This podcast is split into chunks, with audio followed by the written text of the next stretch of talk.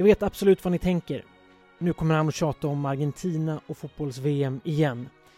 Och ja, en liten stund får det bli så, det har ni helt rätt i. Mycket också därför att det är vad våra tidningar skriver om idag. Och som ni vet handlar tidningskrönikan om det tidningarna tar upp.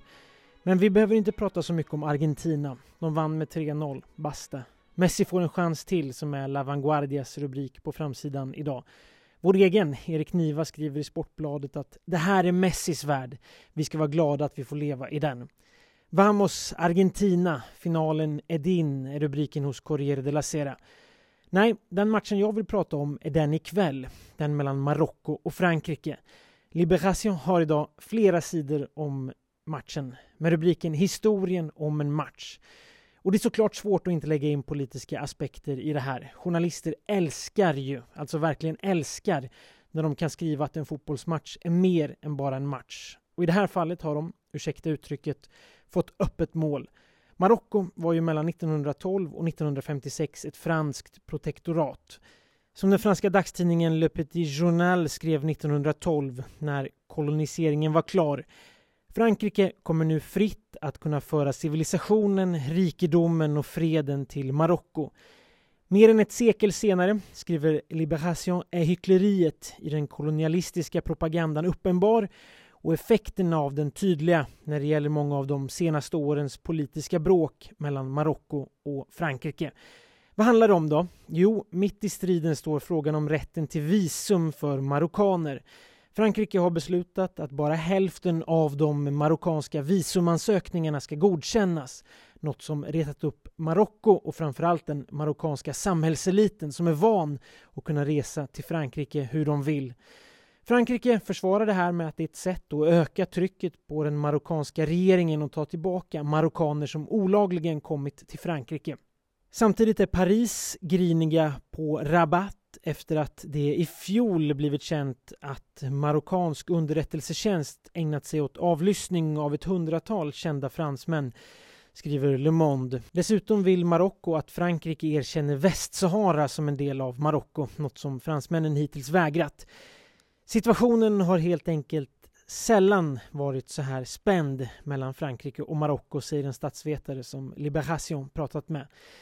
Till det här kan vi säga att den franska extremhögern har gett sig in och svingat med sin avsky mot islam. Ytterhögerledaren Eric Zemmour säger att han i matchen ser en fotbollscivilisationernas kollision. En match mellan väst och islam. När marockanska supportrar firade segern mot Portugal i Paris i lördags bröt det sent på natten ut en del oroligheter mellan fans och polis och ett hundratal personer greps då. Det här gav såklart ännu mer bränsle till kritikerna från höger.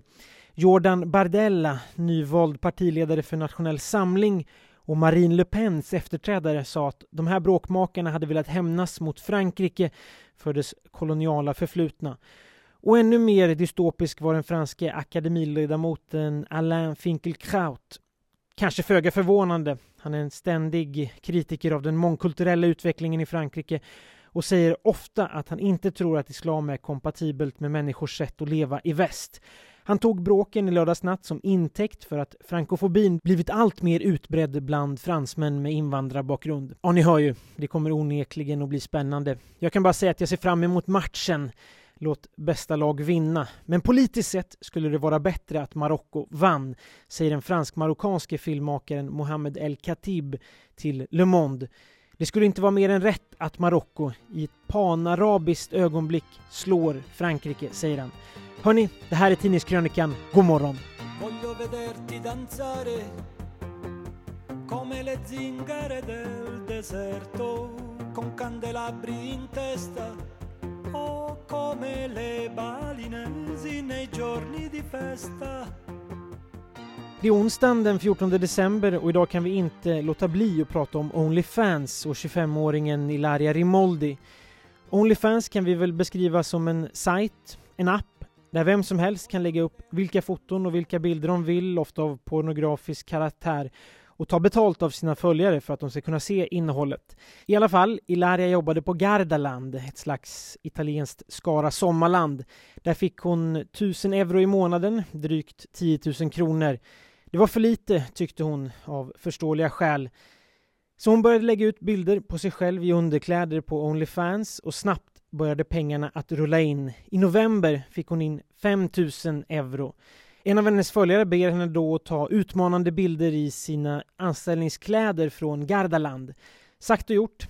Det skulle hon inte ha gjort. Det gillade inte hennes chefer som då kallade in henne på kontoret och förklarade att Gardaland är en plats för barnfamiljer och den här typen av bilder passar sig inte. Sen verkar historierna gå isär lite grann. En del tidningar har skrivit att hon efter det här blev tvungen att säga upp sig. Andra skriver att hennes kontrakt helt enkelt inte förlängdes. När jag läser intervjun med henne i Corriere verkar hon ärligt talat inte så ledsen över det. Hon har nästan 300 000 följare på TikTok och 300 fans som betalar för hennes bilder på Onlyfans. Och den här uppståndelsen, varenda tidning har ju skrivit om henne, kan bara ha gjort att de blivit ännu fler. Och intervjun avslutas med att hon säger att hon drömmer om att bli ridskolelärare. Jag tar inte upp det här för att det finns något snaskigt i hela historien, inte alls, utan för att det finns något djupt tragiskt.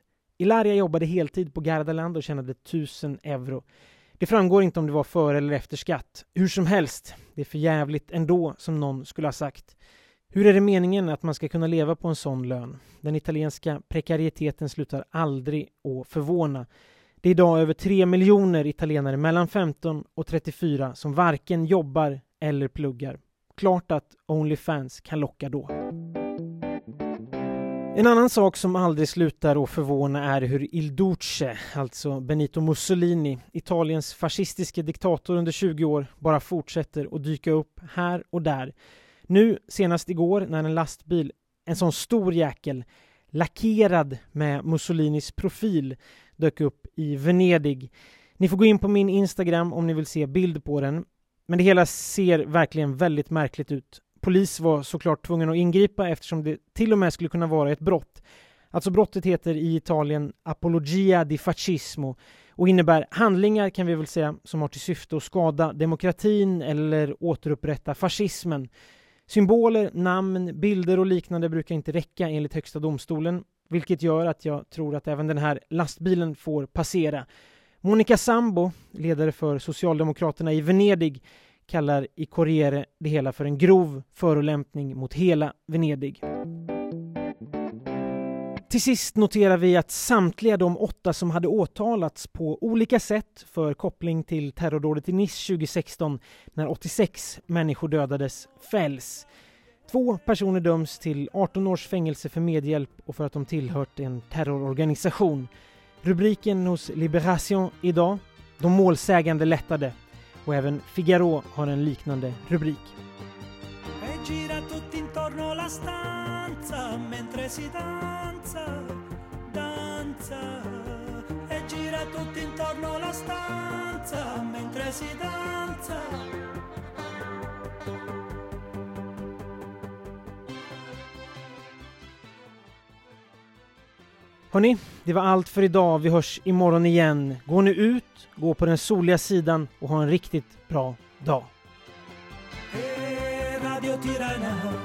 trasmette musiche balcaniche mentre danzatori bulgari a piedi nudi sui bracieri ardenti